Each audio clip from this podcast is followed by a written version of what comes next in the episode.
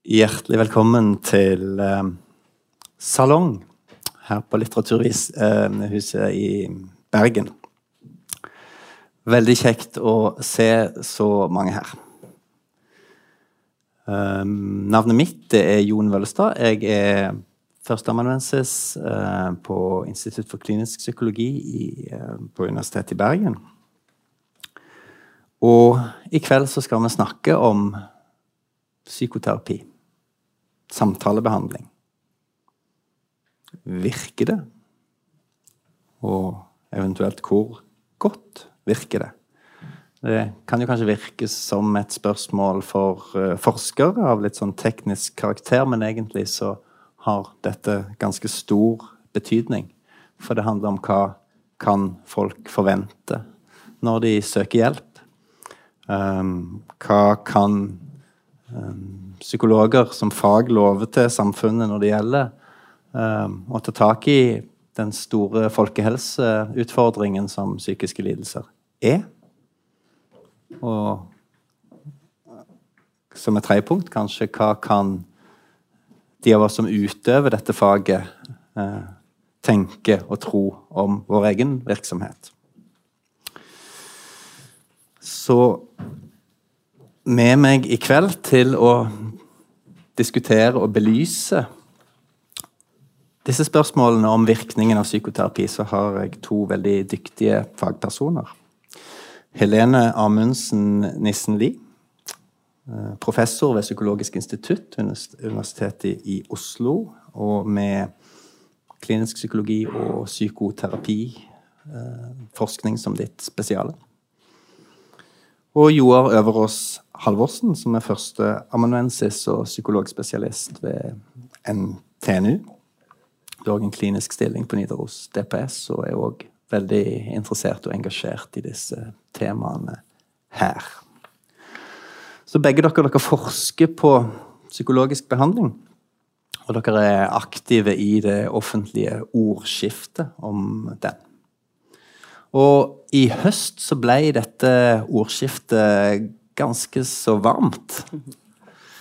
Uh, og det ble jo satt i gang av NRK-programmet Folkeopplysningen, som da uh, valgte å sette et ganske kritisk søkelys på uh, psykoterapi. Psykologisk behandling. Og der var du med, Joar. og der sånn som jeg så deg på TV, så, så sa du der noe om at effekten av behandling eh, kanskje er lavere enn mange liker å, å tro.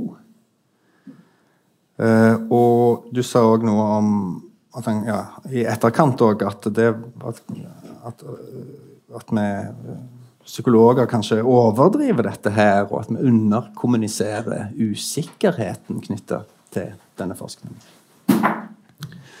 Um, det kom fram noen um, da òg um, tall der som um, det ble en del debatt om. Altså F.eks. hvor mange pasienter må vi behandle for at en skal få utbytte. Som vi kanskje skal komme nærmere inn på. Men det eh, reiste noen ganske viktige spørsmål. Sant? Det litt sånn etterlatte inntrykket på programmet var jo det at det kom fram at psykologer de gjør veldig mange forskjellige ting. Det fins veldig mange metoder. Eh, men kanskje eh, virker ikke disse så godt som en gjerne skulle ønske seg. Eller en vet ikke helt hvorfor de virker. Så viktige spørsmål her. Er det sånn at vi eh, fagfolk skaper urealistiske forventninger til virksomheten vår? Ehm, eller er det sånn at kritiske forskere tar håpet fra folk?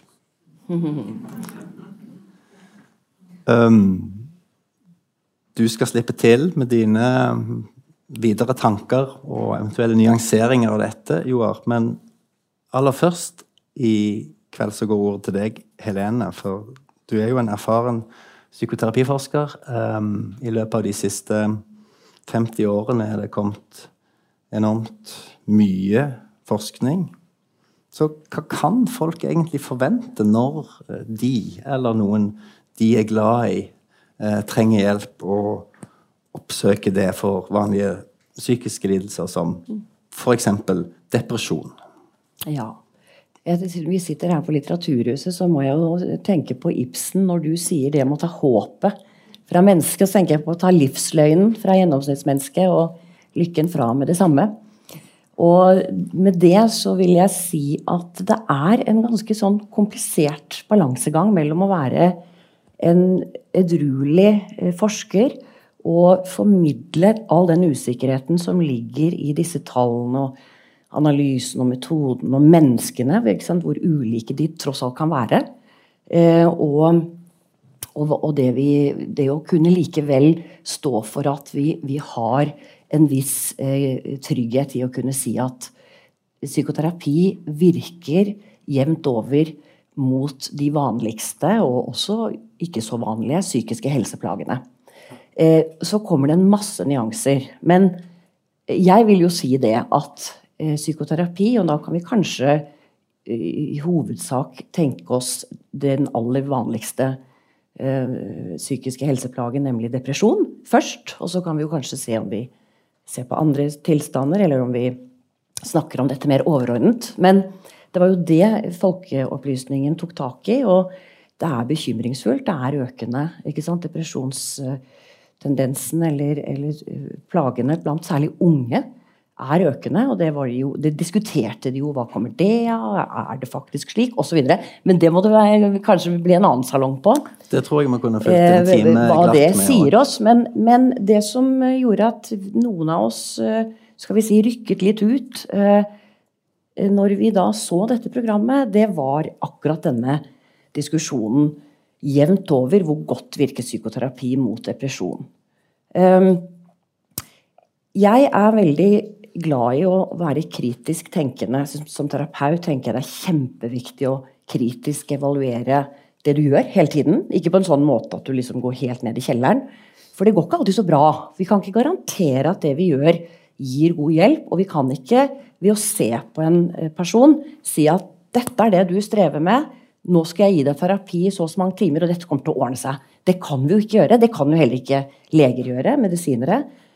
Vi skulle gjerne gjort det. Og jeg skjønner Joar sitt, eh, og, og kanskje også Andreas Wahl, som står bak, og NRK, eh, sitt anliggende når det gjelder det å justere forventninger. Eh, de er av og til litt i overkant høye. Det er veldig mye fokus på psykisk helse. Og alle skal til en psykolog, og alt skal fikses. Og livets vanskeligheter og store traumer skal på en måte heles. og det, Sånn er det, og det, vi forventer veldig mye. Og det kan presse både den enkelte psykolog, og ikke minst også eh, vil jeg si, hele samfunnet, men også pasienter, på en måte som ikke er sunn. Så jeg er ganske sånn eh, enig med Joar, hvis jeg forstår Joar rett, da, ut fra det han sa på Folkeopplysningen, at eh, vi, det er litt oversalg av og til det er noen sant, fagpersoner som går ut og, og, lover mer enn de kan holde. Likevel så mener jeg at det er grunn til å eh, skal vi si, konkludere litt annerledes. Og dette kjenner jo en del til, men det er liksom på en måte skal vi si, hovedsakelig to skal vi si, leire eller eh, faglige miljøer som, som er uenige om hva en konklusjon når det gjelder effekt av psykoterapi, særlig mot depresjon, det er studert mest, men mange andre tilstander òg, sosial angst f.eks., eh, er. Eh, så kan det hende at vi kommer til, gjennom diskusjonen, at egentlig så er vi ganske enige om en del av de tallene. De er uomtvistelige, de står svart på hvitt. Eh, men hva betyr det, når du spør, Jon? Hva betyr det? Kan, kan folk ha tiltro til at psykoterapi virker? Og da er jo dette liksom magiske tallet syv som Joar nevner. Jeg vet ikke om dere har sett programmet, men han, han nevner at eh, psykoterapi mot depresjon har en eh, skal vi si, beskjeden effekt, eller svak effekt, om iallfall lavere enn det du antar at folk tror. Eh, og en, en, del av de metaanalysene har sagt før, som du nevnte gjennom 50 år. Alt dette startet jo med Isenk i 1952, som kom med denne veldig provoserende eh, tesen om at uh, Psykoterapi virker ikke bedre, eller har ikke bedre effekt enn spontanbedring. Naturens gang, tid, uh, gjør sitt, ikke sant? Og da sammenlignet han psykoterapi med ingen behandling. Så har det blitt stående som en sånn hovedmal. Vi må sammenligne en behandling mot ingen behandling. No treatment. Men hvordan gjør vi det? Og det er på en måte litt sånn der kanskje uenigheten vår står. Og det er dette med at veldig mange har, fordi det er ikke etisk å forske på eh, folk som eh, har reelle helseplager, og randomisere de. Vi må alltid sammenligne, som mange vet. Det er et randomisert, kontrollert studie som er malen her. Eh, det er mye annen forskning som også kan si oss masse viktig. Det kommer vi sikkert inn på, men vi må sammenligne med noe. Ingen behandling er vanskelig fordi vi kan ikke randomisere folk til ingenting. Ok, Så da bruker vi venteliste. Nå får du ikke den behandlingen i, denne perioden hvor prosjekt eller studiet foregår, men du får det etterpå. Eh, og denne liksom saken står mellom sant, Kuipers og co., som er en veldig veldig anerkjent, meget produktiv nederlandsk forsker, som Eh, kastet ut alle studier som hadde sett på venteliste, for han mente at det var ikke en heldig sammenligning. Nå, nå hører jeg at jeg går litt sånn nerdete til verks her. Jeg, ja, er det litt for langt ut på, inn i detaljene, så gjerne. Jeg tenker det er vanskelig å unngå at vi blir litt tekniske, men hvis vi skal bare holde fast i hovedlinjen sant? For du, du, du så programmet, ja. du så Joar. Var det noe av det han sa som du var uenig i hans framstilling når det gjaldt effekt? Ja, det var, eh, det var rett og slett det at han la til grunn en effektstørrelse eh, som da 0,3, som han mener eh, betyr at man må behandle syv for at én skal få effekt. Det syns jeg er misvisende. 0,3 eh, er effektstørrelsen når vi ser på relativ effekt. Altså vi sammenligner med andre aktive, mer eller mindre, det kan vi sikkert diskutere, aktive betingelser som allerede har en del effekt mot depresjon. Og så sammenligner vi psykoterapi på toppen av det. Hvor mye mer gir det, eller ikke? Og, og 0,3 er ikke så verst hvis du sammenligner med placebo, eh, pilleplacebo eller andre care as usual, altså behandling som den gis i helsetjenesten. Ja. Så jeg syns at det tallet var lavt i forhold til hva befolkningen trengte et svar på. Virker psykoterapi? Da ser jeg på det. Virker det i forhold til ikke å få behandling? Ikke å få en annen aktiv eh, betingelse. Ja. Ja, så, det, så jeg syns det var for nøkternt, for negativt, og ble litt bekymret for at jeg forsto at folk liksom Å ja! Det virker ikke, ja. Jeg hører også kollegaer sier at de rett rundt den tiden så sitter det unge mennesker Du, trenger jeg egentlig å være her? Jeg vet ikke om det er noe vits, jeg. Det er jo bare én av syv som får effekt. Hvordan kan jeg vite at, at jeg er en av dem? Eller er den ene? Ja, Så da ble jeg bekymret. For at han skulle ta håpet fra folk? Fra gjennomsnittsmennesket. Uh, gjennom ja. uh, dette. Ja, og så hører vi òg her er det noen viktige spørsmål. ikke sant? Ikke bare, vi kan ikke bare si 'virker psykoterapi', men vi må se på hva er det vi skal sammenligne det med, eller hvordan er det vi skal uh, studere det uh, for å kunne svare på det, som vi kanskje skal komme mer tilbake til. Men uh, Joar, det høres ut som Helene syns at du var for streng her. Ja for kritisk. Ja. Eh, det er jo en tung bør da, å eh, bære gjennomsnittsmenneskets håp på, på, mine skuldre. Eh, det jeg sa i Folkeopplysningen, det har jo fått en del oppmerksomhet, inklusive det tilsvaret fra Helene og kollegaer. Og I etterkant så har jeg jo tenkt litt på burde jeg ha sagt noe annerledes. Og jeg har vel landa på at hvis jeg skulle ha gjort det intervjuet på nytt, så hadde jeg sagt det samme som jeg sa i episoden sånn som det. er. og det er jo egentlig ikke noe nytt. Det er klart at det fikk veldig mye oppmerksomhet fordi det var Folkeopplysningen når det ble sendt på NRK1. Men jeg har jo i all hovedsak gjentatt det samme budskapet siden rundt ja, 2012-2013, hvor jeg bl.a. hadde en kronikk i, i Morgenbladet mm. som ble kalt 'Terapeutiske enhjørninger'. Eh, sånn at det, det, var en redaksjonelt valgt tittel, bare for, for, for, å si det. Enhjørninger? Ja. ja. Terapeutiske enhjørninger valgte jeg å kalle den kronikken. Sånn at min lesning av eh, litteraturen og så må vi gå litt inn i detaljene her, men min lesning av litteraturen sånn overordna, det er at effektforskjellen da, mellom ulike former for psykoterapi og det jeg vil kalle adekvate kontrollbetingelser, ligger på rundt 0,30. Og så valgte, Folkeopplysningen å oversette det til såkalt numbers needed to treat. altså At du må behandle syv pasienter for at én pasient skal ha effekt. Det er jo i sannhet et veldig dårlig mål på psykoterapi. Fordi at i psykoterapi så behandler vi lidelser som finnes på et kontinuum. Eh, og numbers Need to treat er et godt mål om pasienten din lever eller dør. Ja. Men eh, det var Folkeopplysningen som valgte å, å kontekstualisere på en måte budskapet mitt da, i Numbers Needed to Treat. Så, ja. Men så sier du adekvate ja. sammenligningsbetingelser. For det høres ut som det er noen som ikke er adekvate. Og da kommer vi jo f.eks. det med venteliste. Altså at noen får behandling, mens noen i mellomtiden venter på å komme til. Og så ja. ser vi hvordan det har gått med de. Hva tenker du om venteliste? Nei, Som jeg sa i Folkeopplysningen, så eh, tenker jeg at vi nå har en god del forskning som klart indikerer at venteliste er en form for nocebo-betingelse. Det er ikke nødvendigvis sånn at pasienter som blir randomisert til en venteliste, blir dårligere enn det de i utgangspunktet var. For Men, nocebo, det motsatte av, det motsatte placebo, av placebo. Mm. Ikke sant? Men det finnes nå eh, Jeg telte opp her nylig, og, og, så det jeg har greid å, å, på en måte telle opp, så finnes det ti ulike metaanalyser som enten ser på det direkte, eller som en del for eksempel, av en nettverksmetaanalyse. Som ganske tydelig indikerer at eh, det å randomisere pasienter til venteliste det er forbundet med vesentlig dårligere utfall enn om du randomiserer pasienter til ingen behandling, pilleplacebo, psykologisk placebo eller behandling som vanlig.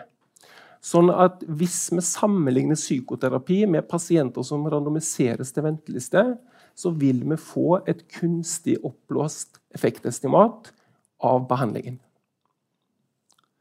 Er du enig i dette, Helene? Det er jeg absolutt uenig i. Og dette er jo stridens kjerne, rett og slett. Eh, og det, det, er jo ikke sånn at en av oss har rett og den andre har feil. Det går an for alle dere å se på den litteraturen. Jeg vil jo argumentere for at jeg tenker at det ikke er en rimelig påstand, da. Eh, med at uh, dette som jeg nevnte med etikken, at de studier som har brukt venteliste, de har gjerne hatt uh, det med kliniske studier der folk har oppsøkt uh, dette prosjektet, da, eller oppsøkt hjelp. Med andre ord har en opplevelse av en plage som de ønsker hjelp for. Eh, og eh, det, det, ligger en del eh, som faktisk kan si oss at venteliste da eh, Da har man med seg en motivasjon, slik at noen har funnet altså Joar har helt sikkert sett de, ikke sant? Har sikkert sett de studien der hvor man ser at venteliste per se kan eh, Det gir en liten symptombedring, til dels nokså stor, hvis vi skulle bruke sånne vage begreper. Eh, det er slett ikke sånn at Og derfor så blir nocebo-begrepet veldig misvisende. Du sier jo det selv også. Det er, det, er, ikke en forverring av tilstanden. Det er en mindre, altså en relativ differanse her vi snakker om. At eh, eh venteliste versus psykoterapi gir en litt større eh, forskjell enn ventelisten Unnskyld, aktiv psykoterapi versus ingen behandling. Men Joar, det er ikke mange studier som sammenligner dette direkte. Som randomiserer til tre forskjellige betingelser, f.eks. For kan dere se for dere det? Det ville jo vært gullstandarden her, da. At, man, at man, folk med depresjon, gjerne klinisk depresjon, altså diagnostiserbare eh, plager, eh, enten får CBT, f.eks., som er mye studert, Eh, eller eh, venter tre måneder og så får CBT, eller ikke får noen ting. Men det har vi ikke studier på. Vi har den relative vi har metaanalyser, eh, ikke minst etter det jeg har sett. da. Jeg hører gjerne på hvis det, er, det fins noe, så, så, skal jeg selvfølgelig lese meg opp. Men til og med Furukawa bare, Nå blir jeg litt nerdete, sorry. Men til og med de som kommer med begrepet nocebo, sier at men eh, det er sannsynligvis slik at de som ikke får behandling, altså no treatment, de blir litt mindre De blir litt bedre, på en måte. Litt nærmere psykoterapi. Fordi de faktisk oppsøker annen type adekvat hjelp, da, eller noe som funker. Ikke sant? Så de oppsøker psykoterapi eller andre ting som kan hjelpe. Derfor blir forskjellen mindre. Det, er et, det sier jo til og med disse forskerne selv. Ja. Og la meg prøve Hvis det var klart. Ja, la oss se om vi kan visualisere det. Hvis du Hvis vi alle tre var deprimerte Ja. ja. Du fikk da kognitiv terapi, som er en av de mest utbredte og forska på terapiformene. Kom rett til det. Jeg, skulle, jeg ble fordelt til ventelisten, så jeg visste at jeg ville få kognitiv terapi om tolv uker eller tre måneder. Ja. eller noe sånt. Mens Joar, du fikk ingen behandling, du. Mm. Hvis vi skal konkretisere det såpass, kan du illustrere for oss hvorfor det var eh, både problematisk at jeg kom på ventelisten? Mm. Altså, eh, På samme måte som vi vet at psykoterapi har effekt, men vi vet ikke hvorfor psykoterapi har effekt, så vil jeg påstå at vi vet at venteliste er forbundet med dårligere utfall enn ingen behandling, placebo og behandling som vanlig. Men det er ikke slik at vi nødvendigvis vet hvorfor det er slik.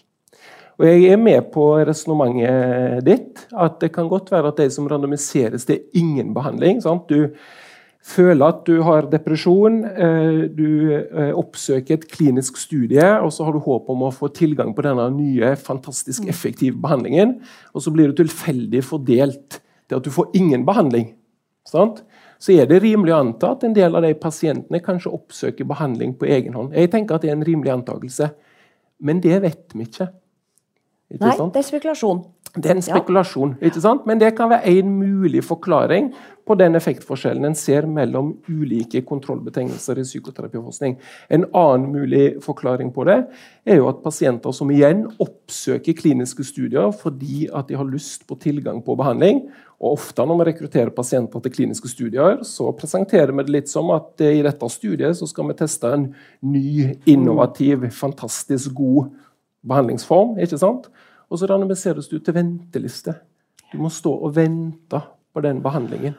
Da er det kanskje rimelig å anta at du ikke har like mye bedring i løpet av den perioden hvor du står og venter på behandling, som det en ville hatt med naturlig tilfriskning eller regresjon mot gjennomsnittet. Det diskuterer òg Furukawa i sin artikkel. De spekulerer bl.a. i at hvis du f.eks. med depresjon blir plassert på venteliste, så har du et gode i å fortsette å være deprimert.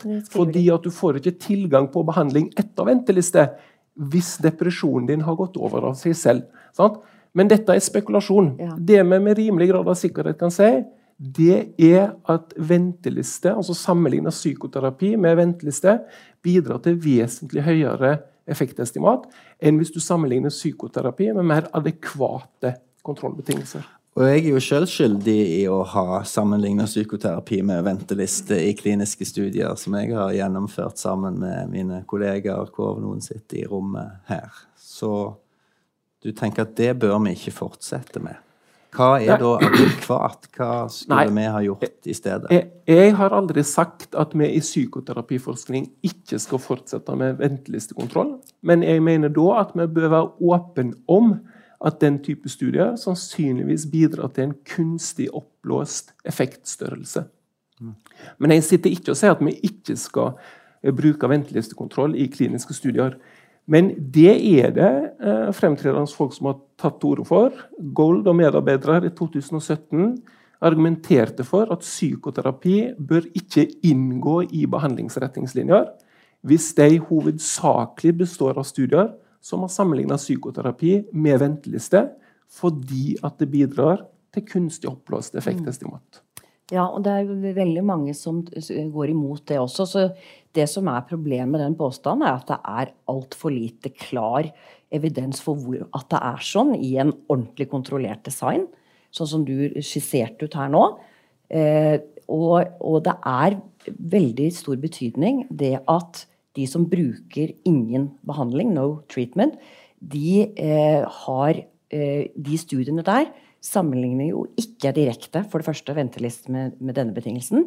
Og de har ofte mindre, altså subkliniske utvalg, og ikke eh, folk som har oppsøkt eh, behandling for depresjon. Det er mer sånn college hvis jeg tok eh, Eller vi studerte dette her på Universitetet i, i Bergen, da.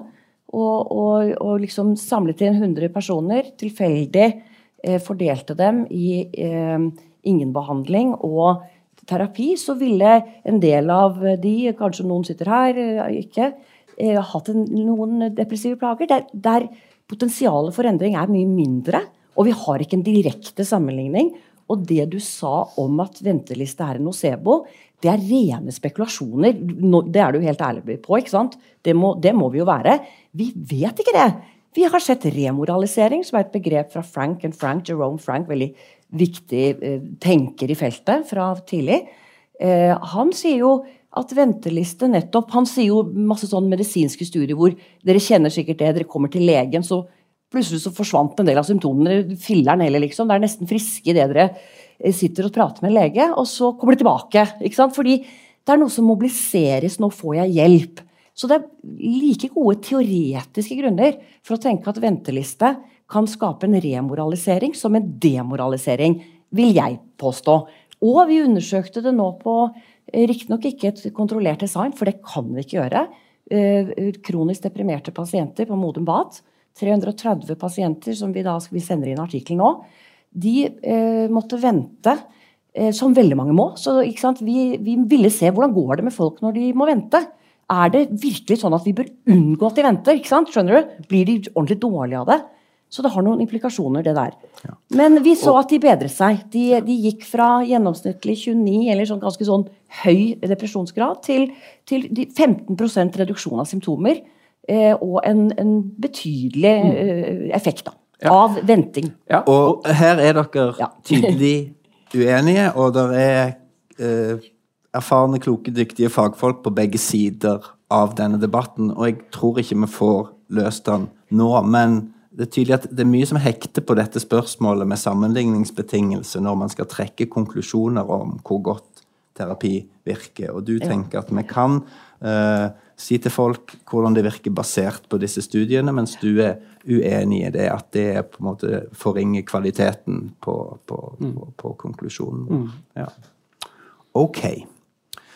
Um, en annen ting som kom inn i um, folkeopplysningen, var jo dette at psykologer driver med veldig mange ting.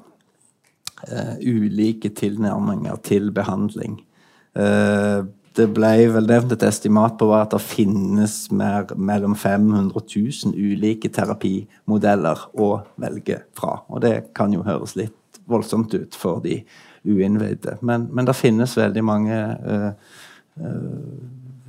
rammeverk, forståelsesmåter, tilnærminger til det å jobbe med å, uh, hjelpe uh, mennesker til å få det bedre, da. Um, og så har det jo vært forska veldig mye på, på, psykoterapi, og en av konklusjonene som har kommet ut på det, når en ser på ulike uh, typer behandling, psykodynamisk terapi, emosjonsfokusert kognitiv terapi, atferdsterapi, hva enn. Det er jo noe som kalles for dodo-dommen.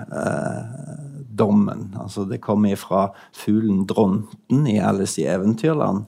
Eh, der er i den boken et litt sånn absurd kappløp hvor alle slags typer fugler og dyr løper i hver sin retning overalt på, på, på en bane. Og så plutselig så erklærer dronten, som er liksom dommeren, at løpet er over og, og, og, alle har vunnet, og alle skal få premie. Mm.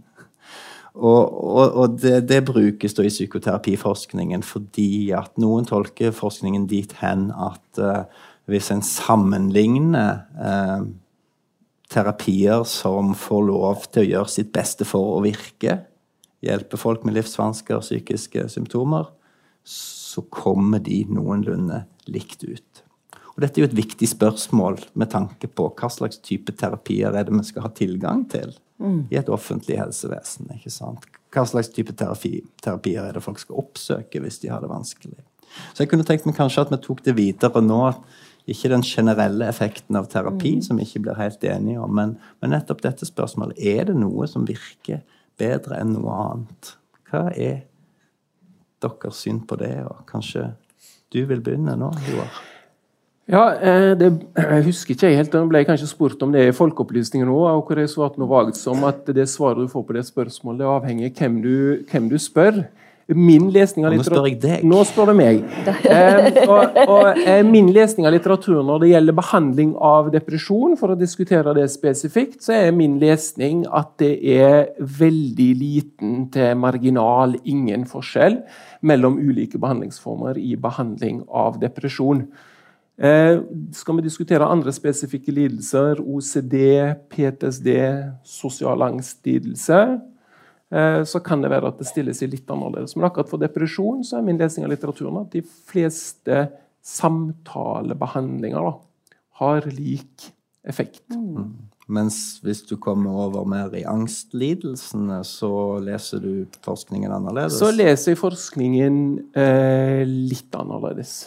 Mm. Hvor stor er den forskjellen, da, vil du si? Hvis Nei, det er den, noen metoder som er bedre enn yes. andre? Eh, jeg vil si I den grad vi kan identifisere noen psykologiske behandlingsmetoder som har bedre effekt enn andre, så er den effekten sammenlignet med annen bona fide psykoterapi da, liten.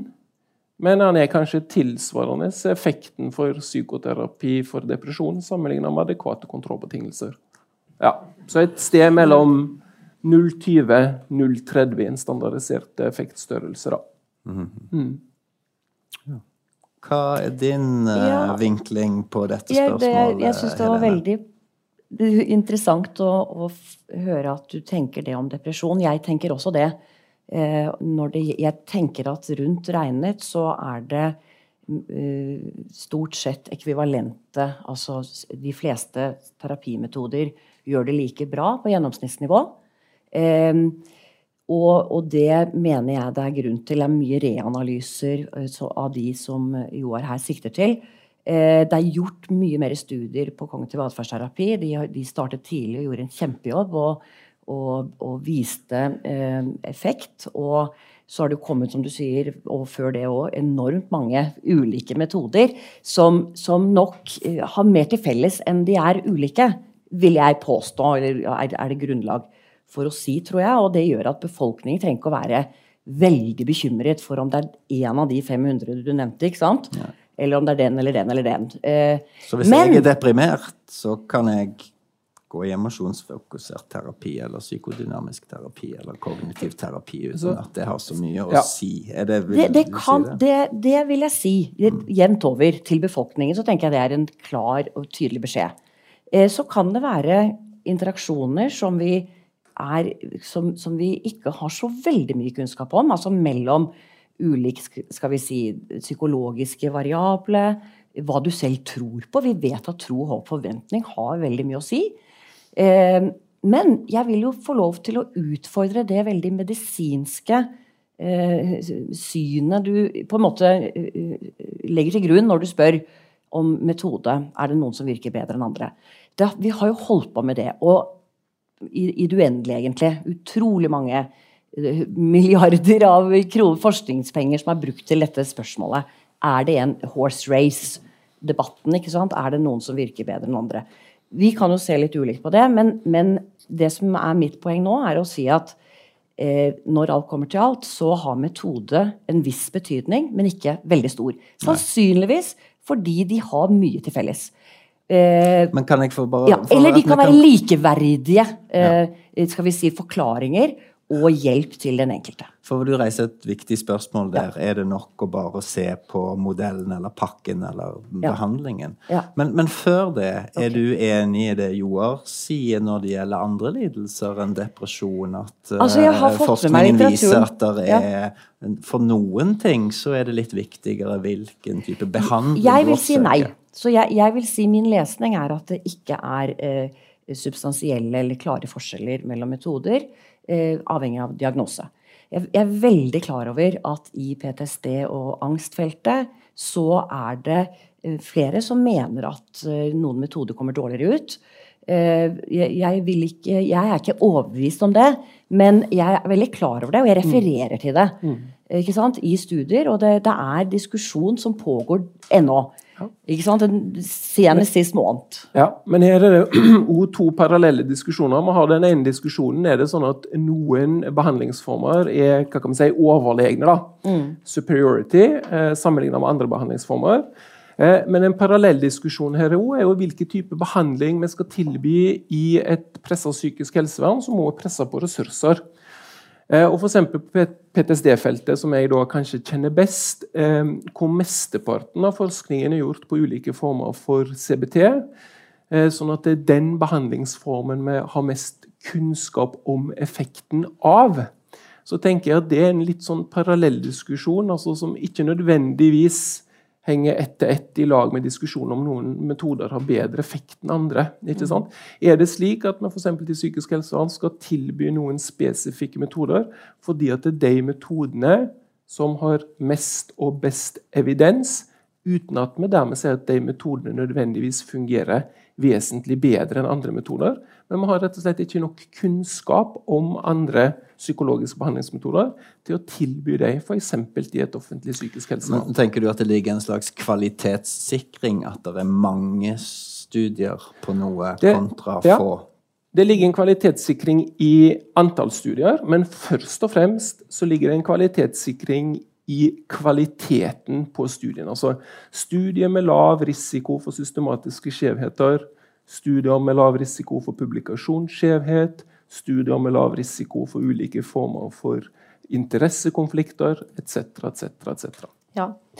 ja, altså jeg, jeg, tenker at dette er viktige spørsmål, eh, men eh, det er ikke sånn at f.eks. CBT-feltet eh, ikke eh, sliter med Jeg selv en eh, ganske integrativ, men kanskje i hovedsak psykodynamisk orientert terapeut. bare for å, Apropos interessekonflikter og, og det å være åpen på det. da. Eh, men dette med sant, statistisk styrke, skjevhet, publikasjonsskjevhet, som du nevnte, det er ganske jevnt fordelt.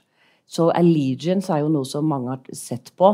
At sjansen for at eh, noe blir vist til å være eh, veldig bra eller bedre enn noe annet, eh, avhenger i stor grad av førsteforfatters eller sistforfatters allegiance, da, eller eh, vedkommendes uh, interesse innenfor den, det området. Så vi skal være kritiske. Modellen, hvis noen har tro på modellen som de forsker på, ja. så viser Så ser man of, oftere det. Ja. Men jeg syns vi ikke kan Jeg vet at du gjerne vil vente litt, Jon, men vi diskuterer dette her som om det var et, en pakke, ikke sant? som om det var et medikament. Vi, vi, liksom, vi kan ikke late som psykologien, psykoterapi, eh, er er liksom lik farmakologien. Og selv farmakologien og medisin og kreftmedisin Alt det som foregår der, er jo kjempespennende og veldig opptatt av hva er det egentlig som virker. Sider ved pasienten, kontrakten, ikke sant? Eh, ressurser eh, i, i, pasienten, i samfunn. Nå er de veldig opptatt av skjevhet eh, på, på, forskjellige nivåer her. Da. Nå tenker jeg på økonomi osv. Men det med behandlingsmodell forklarer lite av variasjon i utfall, det syns jeg er veldig klart gitt litteraturen. Derfor så blir det spørsmålet litt i, i lengden noe snever diskusjon, fordi sider ved fellesfaktorene, som man kaller det, noen, noen syns det er et uheldig begrep, eh, fordi, fordi, de henger så tett sammen. Men allianse, relasjon, tro, håp, forventninger, kvaliteter ved terapeuten at terapeuten faktisk klarer å tilpasse metoden og, og tiden og måten man arbeider på, til den enkelte, er jo avgjørende. Og det, Der kan vi ikke bruke denne evidensforskningen som veldig god rettesnor for hvordan vi gjør det. Der er det veldig mye annen forskning som kan gi oss informasjon. Så de forholdene har så stor betydning at det, vi kan ikke la være å snakke om det. Se om vi kan uh, si, e- eksemplifisere det igjen. Ja. Du kom jo inn i et studie uh, da, tidligere uh, for depresjon i kognitiv terapi.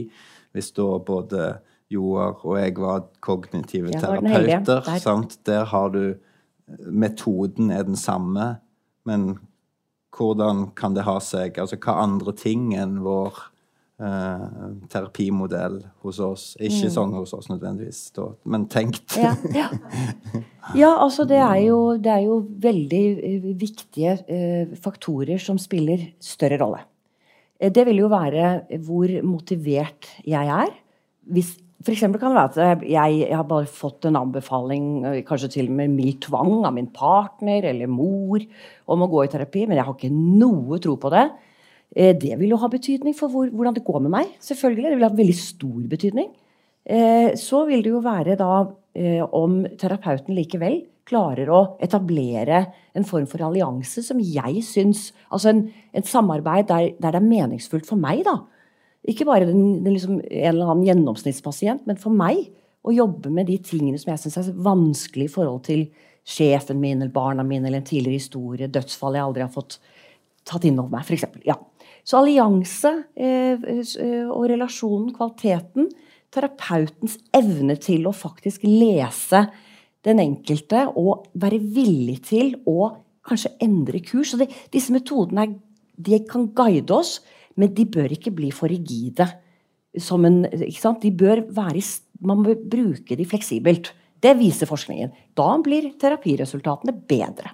Okay. Så disse forhold spiller stor rolle. Ja. Hva tenker du om det, Joar, med begge kognitive terapeuter? Hvor mye har selve metoden kognitiv terapi for å si hvordan det går med dine og mine pasienter? Altså, hvis jeg skulle si noe om det, og jeg skulle tenke at jeg skulle si noe litt sånn stringent forskningsmessig om det, så ville jeg kanskje sagt at det vet vi ikke helt. Fordi at mange av de variablene som Helene nevner, har strengt tatt aldri vært undersøkt ganske sånn eksperimentelt i studier. ikke sant? Altså At en f.eks. randomiserer pasienter til en terapeut som evner å etablere allianse. Randomiserer andre pasienter til en terapeut som enten ikke evner det, eller som på en måte skal gjøre alt som står i vedkommende sin makt å ikke etablere en allianse. Sånn at, eh, og Jeg forstår at det vil være vanskelig å gjennomføre de studiene, men fordi at vi ikke har eksperimentelle studier, så tenker jeg jo at vi rent vitenskapelig da, skal være ærlige på at det vet vi lite om. Sånn at Det vi vet noe om i forhold, sånn rent eksperimentelt, det er jo f.eks. hvis du randomiserer pasienter til ulike behandlingsbetingelser. da. Og jeg tenker at eh, Når det gjelder det vi kaller mediatorer, eller virkningsmekker, altså hvilke faktorer det er som forklarer effekten av psykoterapi, så tenker jeg at resultatene spriker en del. Jeg tenker ikke at vi har en stor, overordna kunnskapsbase som forteller oss hvordan f.eks. psykoterapi virker. Så hva er konsekvensene for det du sier der, da, med, som du òg har vært inne på, med tanke på at vi må ta noen valg, hvilken type behandling skal en gjøre tilgjengelig? Eh, skal vi ut ifra dodo-fuglens dom si at uh, terapeuter på DPS-er må få lov å jobbe med den metoden som de er fortrolige med, og da vil det stort sett ikke bli for store forskjeller? Eller tenker, tenker, du annerledes der, at vi skal legge andre føringer da på de som jobber i poliklinikken, for hvordan de skal og kan jobbe? Ja, altså Jeg og Truls Ryum skrev et kapittel i lag om psykoterapiforskning i boka til Leif Edvard Kenner og Roger Hagen, 'Psykoterapi tilnærming og metoder'. hvor vi prøvde å svare på noe av det. Eh, og jeg og Truls vi er litt uenige, litt sånn som jeg og deg er, Helene, om å skulle skrive et kapittel i dag. og Det var jo en interessant på en måte lærdom. Men vi diskuterte dette mye. altså på en måte Dette er et minste felles multiplum vi kan enes om. det kapittelet, og Så skal vi skrive den siste delen. Hvilke praktiske implikasjoner har dette? Og jeg tenker at De praktiske implikasjonene er at vi skal være forsiktige med å kaste ut noen ting som helst med badevannet. Sånn at vi må både stole på en form for behandlingsmetode, om det er CBT eller dynamisk terapi eller eksistensiell psykoterapi, eller i tillegg til at den ivaretar f.eks. terapeutisk allianse og andre faktorer som vi antar er viktige utfall for psykoterapi. Så jeg tenker at Vi må være litt forsiktige at vi ikke får en kunstig debatt. at det, altså du, du, kan ikke gi CBT uten at du har en god allianse med pasienten din. ikke sant? Og kanskje Det beste eksempelet på det er eksponeringsterapi for posttraumatisk stresslidelse, som jeg har jobba mye med. Møter f.eks. unge kvinner som har opplevd voldtekt noen av de viktige terapeutiske oppgavene de unge kvinnene skal gjøre, er å fortelle om voldtekten. Oppsøke steder som de unngår pga. angst relatert til voldtekten. du får ikke pasienten til å gjennomføre de terapeutiske oppgavene uten at du har en veldig veldig god allianse. Ikke sant? Og så tenker jeg at Hvis vi skal se strengt vitenskapelig på det, så vet vi fremdeles ikke hvorfor det er slik at f.eks. eksponeringsterapi for PTSD fungerer. Det kan ha med metoden å gjøre, men jeg er åpen for at det kun kan ha med allianse å gjøre. Men jeg tenker at på det nåværende tidspunkt så vet vi ikke. Ja, ja da, er det veldig mange ting jeg fikk tanker om, og det skal besinne meg. Men jeg, jeg, jeg, jeg, jeg syns det er ganske overraskende at du tenker at vi har ikke vitenskapelig belegg eh, dersom vi ikke har studert noe ved hjelp av det strenge paradigmet som passer mer eller mindre godt til vårt fag, klinisk psykologi, eh, randomisert kontrollerte studier. At alt, all den forskningen vi har på allianse, f.eks., eh, på, på sider ved terapeuten, ved pasienten, fordi vi ikke kan faktisk tilfeldig fordele det, og undersøke på den måten at det da på en måte ikke, ikke eksisterer som kunnskap, er jeg veldig uenig i. Og da tenker jeg litt på vår, vår prinsipperklæring som psykologer, da, og leger har det tilsvarende.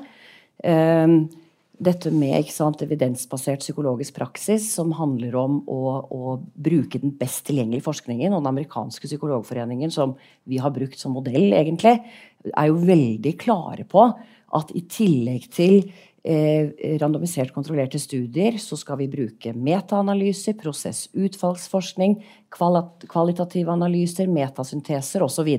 For å danne oss et bilde av hvordan vi kan anvende kunnskapen i det enkelte tilfellet når vi skal eh, utøve eh, evidensbasert praksis. Så Det er best tilgjengelig forskning. Allerede der er det mye mye videre enn det du sa. Og så I tillegg har du disse veldig sentrale faktorene som handler om den tilpasningen den enkelte terapeut gjør. Den må vi alltid være åpne på at vi kan ta feil med, vil jeg påstå. Altså klinisk ekspertise. Vi må, vi, må, vi må, hele tiden være åpne for at der har vi noen ting vi kanskje ikke helt overskuer, og forandre kurs. Ja. ja. Og pasientens mm. ja. preferanser og situasjon. Så det, så det, vil jeg bare, det er liksom det første jeg kom på når han sa det. Men det da høres ut som dere har litt ulike kriterier for hvilken type eh, forskning eller kunnskap dere er villige til å måtte ta med når en skal trekke konklusjoner om psykoterapi. For du, ja. du sier ordet usikker usikkerhet ganske ja, mye. Yes. Så jeg, hvordan skal vi ja. få vite disse tingene, da? For det er jo òg en utfordring med tanke på hvem er det som finansierer psykoterapiforskning? Hvor lett er det å få penger til å gjennomføre eksperimentelle mm. studier av f.eks. disse spørsmålene som du nevner her? God, dårlig allianse, mm. etc. Nei, altså Jeg er jo generelt opptatt av at vi skal være åpne om kunnskapsgrunnlaget i faget vårt. Og så mener jeg at kunnskapsgrunnlaget i psykologifaget generelt, og klinisk psykologi spesielt, er mye mye mer usikkert og i noen grad mye dårligere enn det vi ofte gir inntrykk av.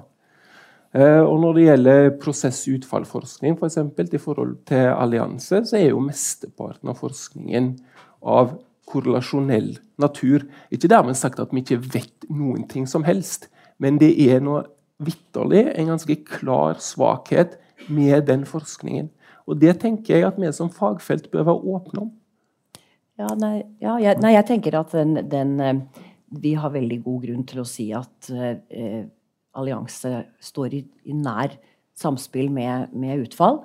Eh, og det er også eh, et eksempel på en, Bare for å ta det randomisert kontrollert studie av f.eks. feedback ved bruk og ikke bruk av feedback, viser jo f.eks. at det er bedre når du, når du, får korreksjon, som også har betydning for sant, allianse og, og, rett og slett det vi arbeider med. Så, eh, og det fins mange måter å studere det på, statistisk, kvalitativt. Eh, du kan bruke ulike bedømmere, du ikke minst spør klienten. Det er som om vi liksom glemmer helt at klienten har en opplevelse, sånn som du nevnte disse kvinnene. ikke sant? Hva, de vil helt sikkert ha, ha noe ha, ha sitt å si da, om hva de trenger, og hva som er vanskelig for dem. Hvordan de kan overkomme det, og hva som eventuelt hjalp, eller hvorfor de ikke klarte det. Hva ved terapeuten? Ikke sant? Hva vil, hva vil livet deres her og nå? Så, så jeg, jeg, jeg syns det blir et altfor snevert kunnskapsgrunnlag. Jeg syns det ja. er motsatt uh, kanskje fallgruppe her, da, som ja. jeg blir litt bekymret for. Det, jeg har kanskje lyst til å komme inn og si at det, Og det mener jeg ikke at gjelder dere to. Dere har ulike syn, men dere, også har, dere har nyanser. Men aner vi tendensen til en litt sånn kulturkrig innad på psykoterapifeltet, der det er noen som da eh, har tro på relasjonen og alliansen, og at dens eh, kraft er bevist, mens noen er, om de ikke sier at det ikke er viktig, så er de kanskje mer opptatt av metoden, da. At det på en måte nesten kan jeg få inntrykk av at vi lever litt grann i ulike virkeligheter mm, akkurat når det gjelder det. Hva tenker dere om det? Ja, altså, jeg, jeg, vil jo på en måte protestere litt på at jeg ikke er opptatt av alliansen. Fordi at det er jeg. Det er opptatt av. Jeg, jeg sa ikke at du ikke var Nei. nei. Men, men, det jeg er opptatt av, er at jeg kanskje ikke tenker at vi har den kunnskapen til å påstå at f.eks. alliansen er vesentlig viktigere enn metoden for utfall av psykoterapi. ikke sant? Og Jeg tilhører nok på en måte hva kan man si, en vitenskapelig skoleretning som tenker at skal vi få svar på årsaks-virkningsforhold, så må vi eksperimentere med verden. Og Har vi ikke de studiene som eksperimenterer med de variablene vi er interessert i, så bør vi være åpne om det, og være åpne om at vi har et begrensa kunnskapsgrunnlag. Men tenker du at vi i et eksperiment virkelig kan få kontroll på disse tingene som man skal uh, ha kontroll på. Hva, hvem pasienten er. F.eks. at der vedkommende har ikke komorbide tilstand, en ren diagnose. Hva, hvordan vi faktisk altså, Vi må standardisere behandlingen veldig, ikke sant? Ja, altså, For at vi skal ja, kunne ja, anskueliggjøre at det ikke er en eh, relasjon mellom uavhengig og avhengig mm. variabel som handler om noe annet enn selve det eh, at man får behandling. Ikke sant? Alle de faktorene som vi nevnte med, med forventning og, og, ikke minst symptomtrykk. Ikke sant? Hva, hva kan det si oss? Vi vet at folk kan ha høyt symptomtrykk, men fungere ulikt. Altså jeg syns det er så mange ting i psykologien som du på en måte eh, sier at vi ikke kan si noe om. Og du hevder at vi bare kan bruke et eh, eksperimentelt design, hvor, som jeg mener er å, er, har så mye eh, begrensninger i seg at, at, vi sliter med å på en måte forklare eh, menneskelig utvikling, da, som vi er opptatt av begge to. Endring. ikke sant? Mm. Eller the human mm. condition. altså rett og slett mm. Hvordan virker psykoterapi? Hva skal til for at et menneske faktisk føler seg bedre? Eller ikke? Men, det, ja, det, det, der syns jeg det blir et snevert Vitenskapsteoretisk ja, ulike ståsteder her. Ja, Filosofene har mye interessant å si om kausalitet. Psykologen òg, etter hvert. Men Og tiden går utvilsomt. Så vi har virvla opp veldig mange ting her. Vært innom noe hva vi har løst, vet jeg ikke helt. Vi hadde lyst til at vi skulle se litt på hva hva med framtiden? Altså, hva med Der sitter nok en del studenter i salen her. Jeg ser, ser noen. Uh, ut fra sånn som dere ser faget og kunnskapsstatusen i dag, ut fra det vi vet, hvordan skal vi utdanne fremtidens psykologer, Helene? Jo, altså jeg, jeg tenker at uh, jeg tenkte det samme før folkeopplysningen, men jeg lærte noe av folkeopplysningen. Og det er jo at, eh, og ikke minst den diskusjonen, fordi det er en levende diskusjon som skal fortsette. Og det er ulike paradigmer, kan man kanskje si, også inn i, inn i bildet her. Og vi kan, eh, vi kan, utfordre hverandre. Men ja.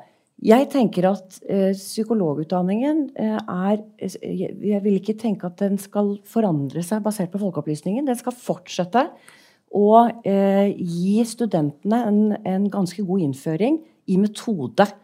Eh, slik at man kan vurdere forskning, eh, forskningsmetode og design og hvordan vi undersøker ting. Det kan vi ikke gjøre en gang for alle i starten av studiet. Det må vi ha med oss hele veien.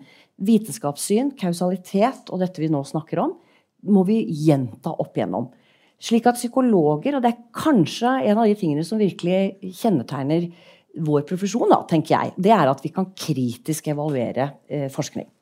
Eh, så det må vi ha. Så må vi ha dette med Mange andre kan også det, men, men i forhold til helseprofesjonene så tror jeg vi har en god del eh, på dette som vi da eh, også i Retos bl.a. De nye retningslinjene skal, skal iallfall ikke gjøre mindre av. Tvert imot. Men det høres ut som Roar, Joar unnskyld, Ja. tenker at vi ikke er kritiske nå. Ja, det, det, ikke sant? Så, men vi tre, vi tre jeg, vi, men vi, jeg syns at han er ukritisk til noen ting. Faktisk. Sånn at eh, der er vi jo uenige. Ja. Så vi må ha fellesfaktor, relasjon, relasjonelle ferdigheter, forståelse av eh, pasienten, ulikheter, vi, diagnostikk og alt det der må vi ha. Kritisk syn på det, for vi driver og utreder helt vanvittig mye for tiden. Men det er en annen diskusjon. Og innføring i ulike metoder, og særlig denne måten å skal vi si, integrere eh, ulike typer ferdigheter, metodiske, det med diagnostikk, og det vi kan kalle eh, fellesfaktorer eller relasjonelle faktorer. I tillegg til kri kritisk tenkning og metode. Så det, det, er det, det er det vi skal i, i løpet av studiet. Det er ingen liten oppgave. Absolutt ikke. Men du tenker at vi ivaretar mye av det i dag, sånn som det er? Det er i hvert fall det som ligger i programmene nå. Om, om vi faktisk lykkes med hele denne pakka. Folk vil alltid ha mer av det og mer av det. og ikke sant? Vi, vi ville hatt en 18-årig profesjonsutdanning hvis vi, hvis vi tok inn alt det som folk ja. mener. ikke sant? Så ja, vi må sette strek et sted. Men, men jeg syns det er ganske bra, jeg. Ja. Og du, Joar? Det er jo et punkt hvor vi tilsynelatende er veldig veldig enige. Eh, Men jeg vil jo komme tilbake til at litt av problemet med psykologutdanningen vår er jo at vi egentlig ikke vet hva som er effekten av den. Jeg har selv ja, gått et si. seksårig profesjonsstudie på universitetet. Jeg har ingen kunnskap om det har gjort meg til en bedre terapeut eller ikke. Og igjen, her er det vansker med den eksperimentelle forskningen. Hvis vi skal tro den psykoterapiforskningen som finnes, så finnes det veldig lite forskning som tyder på at psykologer har bedre behandlingsutfall enn andre terapeutgrupper. Typisk treårig høyskoleutdanna som mottar en terapeututdannelse. Ikke sant? Så hvis det var noe jeg skulle ønske meg med psykologutdannelsen, var at vi i større grad begynte å eksperimentere med psykologutdannelsen. Sant? Vi kan randomisere studenter til ulike psykologutdannelser, eller ulike aspekter ved psykologutdannelsen. Det kan vi faktisk gjøre, men vi gjør det ikke. Nei.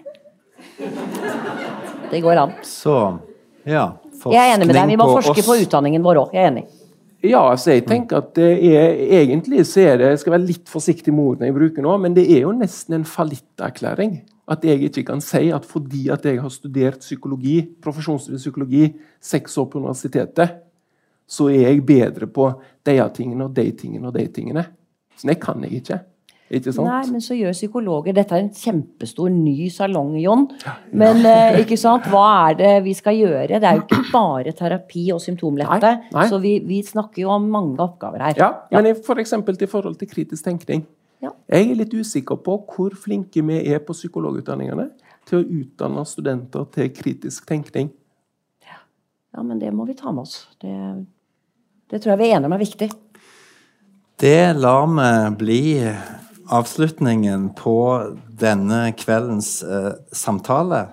Tusen takk til dere begge to for at dere ville stille opp og være med og forsøke å skape mer opplysning rundt disse temaene her. Tusen takk til deg.